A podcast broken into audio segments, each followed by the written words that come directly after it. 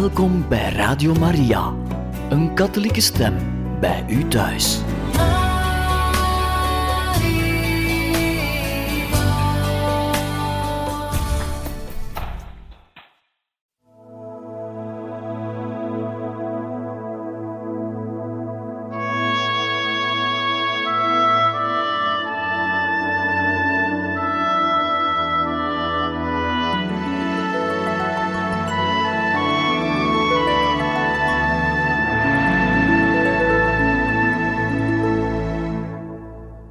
Beste luisteraars van Radio Maria, in dit programma Heiligen Getuigen gaan wij verder met het voorlezen uit het leven van de heilige zuster Faustina. We zijn gekomen in het jaar 1935 en zuster Faustina leeft op dit ogenblik in het klooster te Vilnius. Een achtdaagse retraite in 1935. Voordat Faustina aan haar jaarlijkse retraite begon, ging ze naar haar geestelijke leidsman om hem te vragen of ze tijdens de retraite bepaalde verstervingen op zich kon nemen.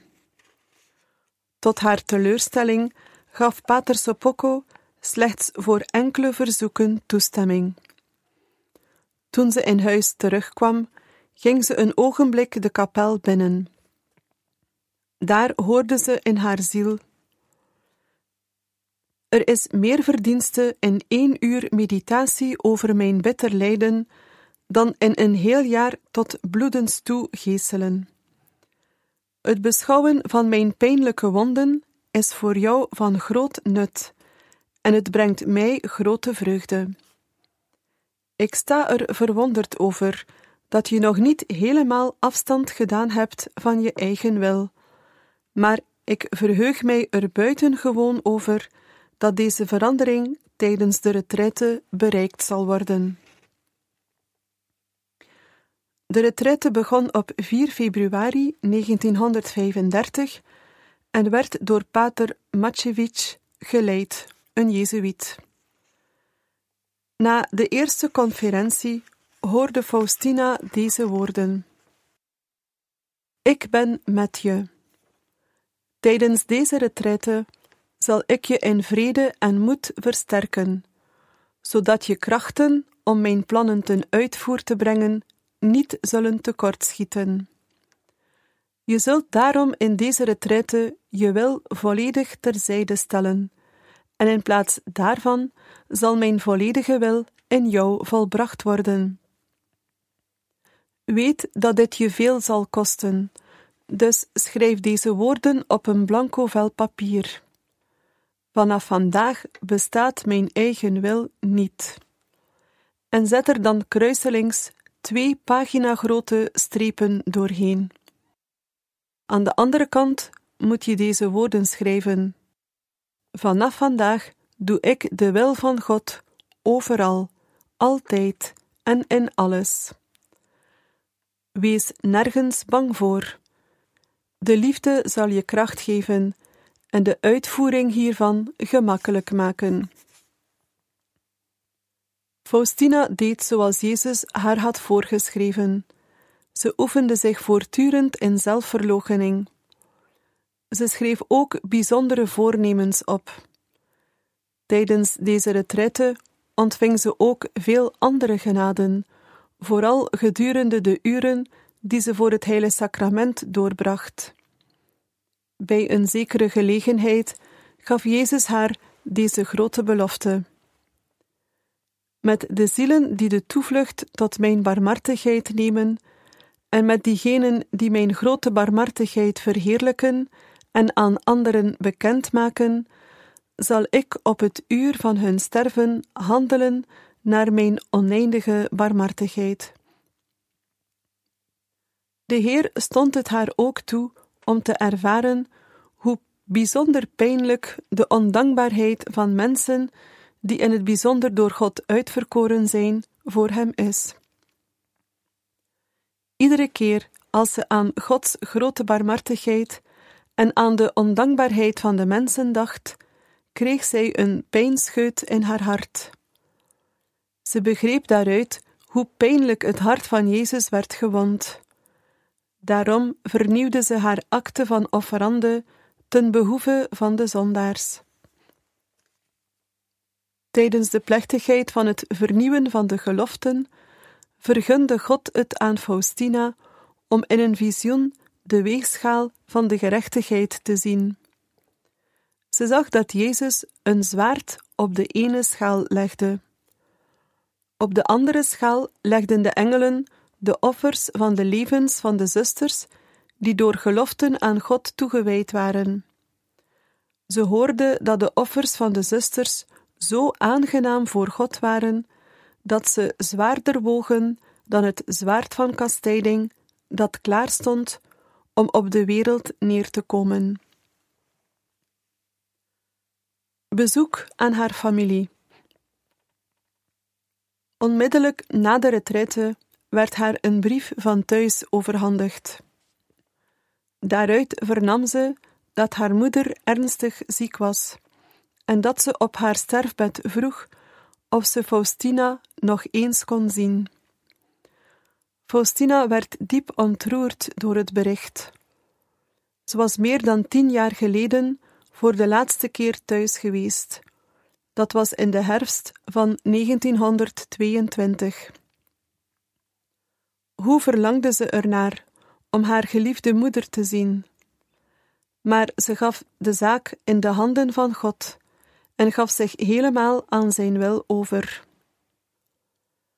Op 15 februari, de feestdag van de heilige naar wie ze heette, gaf moeder Overste haar een tweede brief van haar familie. Daarbij kreeg zij de toestemming om naar huis te gaan en de wens van haar stervende moeder te vervullen. Faustina verliet Vilnius diezelfde avond. Ze offerde de hele nacht voor de intentie dat God zijn genade aan haar ernstig zieke moeder zou geven en dat geen enkele verdienste van haar lijden verloren zou gaan. Ze kwam de volgende dag tegen acht uur s'avonds in Glogoviec aan. Zij begroette haar moeder met het gebruikelijke: Gelooft zij Jezus Christus? Ze knielde bij haar bed en zei: Moeder, je zult nog weer op de been komen. Ik wil met je spreken. Haar moeder ging rechtop in bed zitten. Een van de dochters, die bij het fornuis aan het werk was, merkte dit en riep uit: Moeder, ben je nu al beter? Moeder antwoordde: Direct toen ik haar zag, werd ik beter. Tot aan dit moment was haar gezondheid maar een klein beetje vooruit gegaan. De dokter was van mening geweest dat er, wanneer er geen operatie uitgevoerd zou worden, geen hoop op volledig herstel kon zijn. Het is moeilijk om de wederzijdse vreugde te beschrijven die zij allen voelden toen ze elkaar begroeten. Nadat ze elkaar over en weer begroet hadden, vielen ze allemaal op hun knieën en dankten God voor de genade dat ze weer bij elkaar waren. Toen Faustina hoorde hoe haar vader bad, moest ze met schaamte toegeven dat zij, nadat ze zoveel jaren in het klooster doorgebracht had, niet zo oprecht en vurig kon bidden als hij. Ze dankte God dus voortdurend voor ouders die zo'n voorbeeld gaven. Faustina liet in haar dagboek een eenvoudig en eerlijk verslag na van dit bezoek.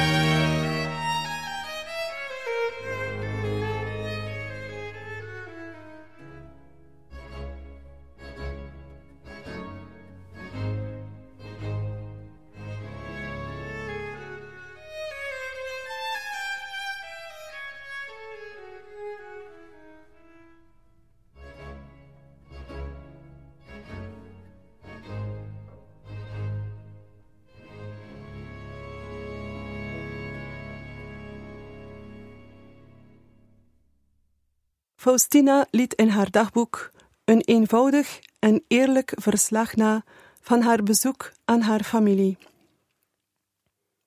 O, hoe was alles in deze tien jaar onherkenbaar veranderd? De tuin was vroeger zo klein en nu herkende ik die niet meer. Mijn broers en zussen waren toen nog kinderen en nu waren ze allemaal volwassen geworden. Ik verwonderde mij dat ik ze niet zo aantrof als ze waren toen wij uiteengingen. Faustina vermeldt niet dat het de volgende dag zondag was en dat ze allemaal naar de kerk gingen, inclusief de moeder, die de dag daarvoor nog zo dicht bij de dood was geweest. De dagen thuis verliepen met veel bezoek, want iedereen wilde mij zien en met mij praten. Vaak kon ik wel 25 aanwezigen tellen. Ze luisterden met grote belangstelling naar mijn verhalen over de levens van de heiligen. Het leek mij dat ons huis werkelijk het huis van God was, want iedere avond spraken wij over niets anders dan over God. Als ik moe was van deze gesprekken en erg naar eenzaamheid en stilte verlangde, sloop ik s'avonds stilletjes weg naar de tuin, zodat ik alleen met God zou kunnen spreken. Maar zelfs hierin slaagde ik niet. Onmiddellijk kwamen mijn broers en zussen en namen me mee het huis in. Ik moest weer opnieuw vertellen, terwijl al die ogen op mij gericht waren. Maar ik ontdekte een manier om wat verademing te krijgen. Ik vroeg mijn broers om voor mij te zingen. Ze hebben mooie stemmen, en bovendien speelt een van hen viool en een ander mandoline.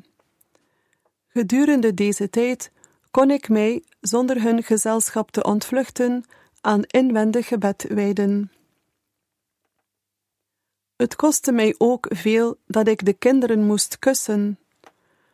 De vrouwen die ik kende kwamen met hun kinderen en vroegen mij om die, al was het maar voor even, in mijn armen te nemen en te kussen. Ze beschouwden dit als een grote gunst. Voor mij was het een gelegenheid om deugd te beoefenen, want veel kinderen waren nogal vuil. Omdat ik mijn gevoelens van afkeer wilde overwinnen en geen weerzin wilde laten blijken, kuste ik zo'n vuil kind twee keer. Een van deze vriendinnen kwam met een kind waarvan de ogen ontstoken waren en vol pus zaten. Ze zei tegen mij: Zuster, neem het even in je armen, alsjeblieft. Mijn natuur deinsde ervoor terug, maar ik schonk er geen enkele aandacht aan. Ik nam het kind en kuste het twee keer precies op de ontsteking. Ondertussen vroeg ik God het kind te genezen. Ik had veel gelegenheden om deugd te beoefenen. Ik luisterde naar mensen die hun grieven uitstortten. Ik zag dat geen enkel hart blij was, want geen enkel hart had God werkelijk lief. Daarom was ik er helemaal niet verwonderd over. Het speet me heel erg dat ik twee van mijn zussen niet kon zien. Ik werd innerlijk gewaar dat hun zielen in groot gevaar waren. Als ik aan hen dacht, sloeg de pijn om hen in mijn hart toe. Toen ik mij op een keer heel dicht bij God voelde, vroeg ik vurig aan de Heer om hen de genade te geven. De Heer antwoordde mij: Ik verleen ze niet alleen noodzakelijke, maar ook bijzondere genaden. Ik begreep dat de Heer hen tot een diepere vereniging met Hem zou roepen. Ik verheug me er oneindig over dat er in ons gezin zo'n grote liefde regeert. Stasio vergezelde me iedere dag naar de kerk. Ik merkte dat hij God erg behaagde. Op de laatste dag, toen iedereen de kerk verlaten had, ging ik met hem voor het heilige sacrament staan en reciteerden wij samen het Te Deum. Na een ogenblik stilte bood ik zijn ziel aan het allerbeminnelijkste hart van Jezus aan. Hoe gemakkelijk was het om in die kleine kerk te bidden. Ik bracht me al de genaden te bidden die ik daar ontvangen heb, en die ik toen ter tijd niet begrepen heb en zo vaak misbruikt heb. Ik verbaasde mij erover hoe ik zo blind kon zijn. Terwijl ik mijn blindheid zo betreurde, zag ik plotseling de Heer Jezus. Hij schitterde in onuitsprekelijke schoonheid, en hij zei vriendelijk tegen mij: Mijn uitverkorene, ik zal je nog grotere genaden geven, opdat je de hele eeuwigheid door een getuigenis van mijn oneindige barmhartigheid mag zijn. Toen ik van mijn ouders afscheid nam en hen om een zegen vroeg, voelde ik dat de kracht van Gods genade over mijn ziel werd uitgestort. Mijn vader, mijn moeder en mijn peetmoeder zegenenden mij met tranen in hun ogen, terwijl ze mij de grootst mogelijke getrouwheid aan Gods genaden toewensten. Ze smeekten mij om nooit te vergeten hoeveel genaden God mij in de roeping tot het kloosterleven gegeven had. Ze vroegen mij voor hen te bidden. Alhoewel iedereen aan het huilen was, stortte ik geen enkele traan. Ik probeerde flink te zijn en troostte hen zo goed als ik kon. Ik herinnerde hen aan de hemel waar geen scheiding meer zal zijn. Stasio liep met me mee naar de auto. Ik vertelde hem hoeveel God van zuivere zielen houdt en verzekerde hem ervan dat God tevreden over hem was. Toen ik hem vertelde over de goedheid van God en hoe hij over ons denkt, barstte hij als een klein kind in huilen uit. Het verbaasde mij niet, want hij heeft een zuivere ziel, en een dergelijke ziel is meer dan andere zielen in staat om God te kennen. Toen ik eenmaal in de auto zat, liet ik mijn gevoelens de vrije loop. Ook ik hulde als een klein kind vanwege de vreugde over het feit dat God ons gezin zoveel genaden schonk. Ik verzonk in een dankgebed. Een aantekening. Faustina zag haar ouders nooit meer terug. Haar moeder werd 90 jaar, haar vader stierf op 78-jarige leeftijd. Beide ouders overleefden hun dochter. Tegen de avond was ik al in Warschau. Als eerste groette ik de Heer van het huis, Jezus in de Eucharistie, en daarna ging ik de hele gemeenschap begroeten. Toen ik de kapel binnenging om de Heer, voordat ik ging slapen, goede nacht te wensen, en ik mij ervoor verontschuldigde dat ik, toen ik thuis was, zo weinig met hem gesproken had, hoorde ik een stem in mijn ziel. Ik ben er erg verheugd over dat je niet met mij gesproken hebt, maar dat je mijn goedheid aan de zielen bekend maakte en ze opwekte om mij lief te hebben. S'morgens nam moeder Maria Josefa Faustina mee naar Josefinik, om daar de generaal-overste Michaela te ontmoeten. Nadat ze met haar een prettige middag doorgebracht had, ging Faustina op weg naar Vilnius. Ze kwam daar de volgende dag aan. O, wat was ik gelukkig dat ik weer in ons klooster terug was, schreef ze. Ik voelde mij alsof ik voor de tweede keer in het klooster intrad. Ik schepte een oneindig genoegen in de stilte en vrede, waarin de ziel zich zo gemakkelijk in God kan verliezen. Ze wordt door iedereen geholpen en door niemand gestoord.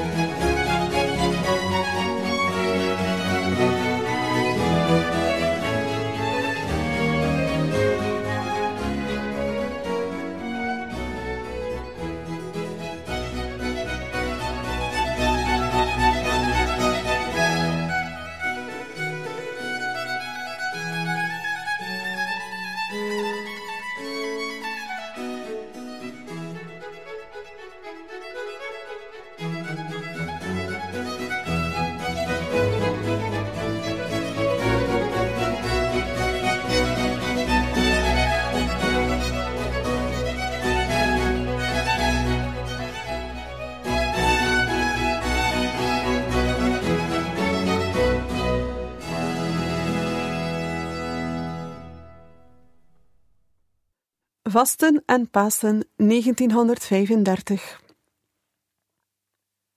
De vastentijd werd voor Faustina een andere gelegenheid om haar vertrouwelijke omgang met de Heer te verdiepen. Als zij over het lijden van de Heer mediteerde, kreeg ze een beter inzicht in het lijden dat Jezus voor de zonde gedragen heeft, en mocht ze het dieper meevoelen. Wanneer ik in het lijden van de Heer ondergedompeld word, zie ik de Heer Jezus tijdens de aanbidding vaak op deze manier. Na de geesteling grepen de folteraars de Heer en trokken hem zijn eigen gewaad uit, dat zich al aan de wonden gehecht had. Terwijl ze het uittrokken, gingen zijn wonden weer open. Toen gooiden ze een vuile scharlakenrode mantel, waar de flarden aanhingen, over de verse wonden van de Heer. De mantel reikte op sommige plaatsen nauwelijks tot zijn knieën.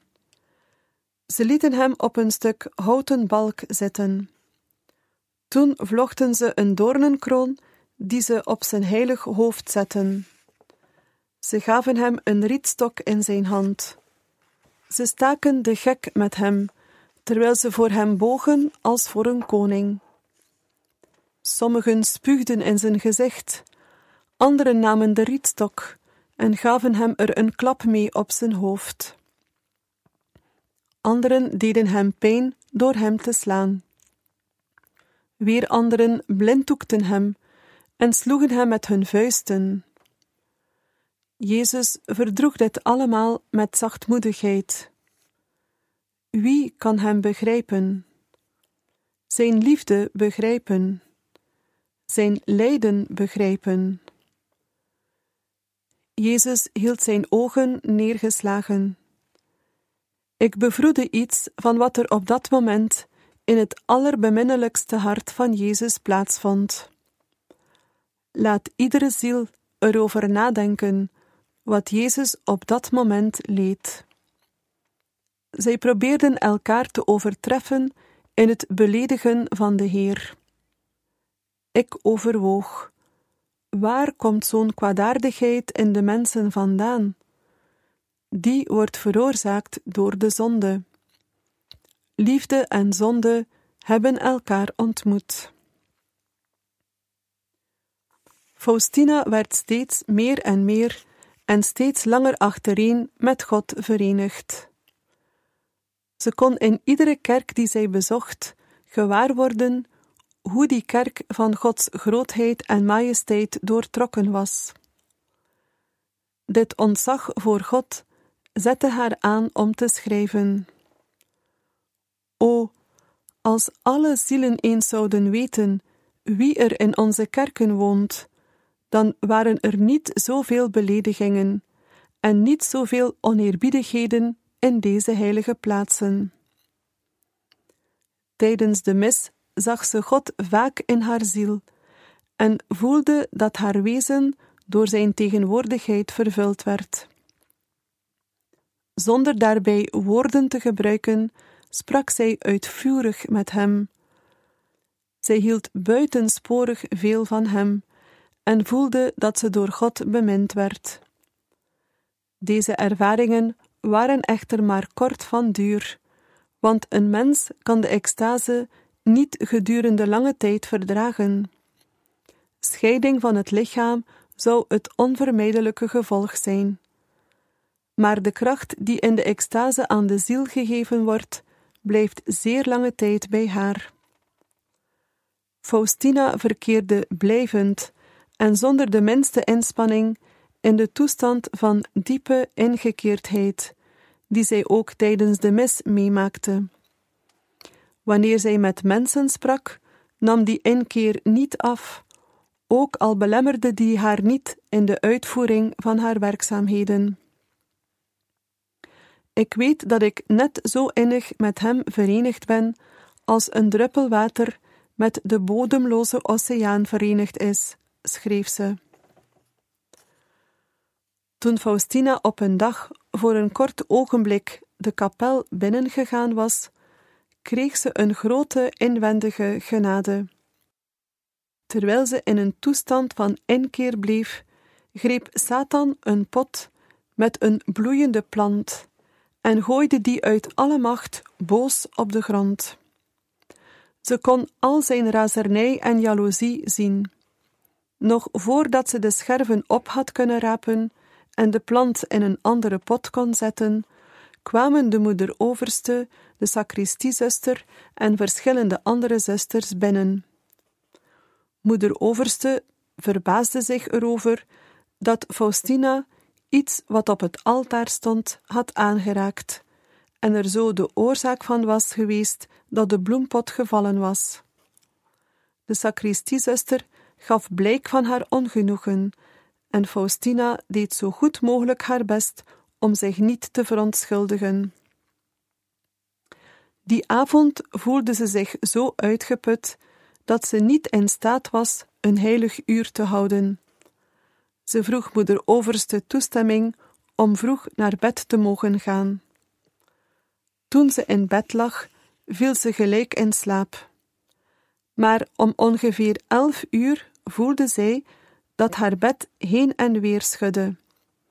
Ze werd onmiddellijk wakker en begon rustig tot haar beschermengel te bidden. Toen zag ze de zielen die boete deden in het vage vuur. Ze zagen er schaduwachtig uit. Tussen hen zag zij vele demonen.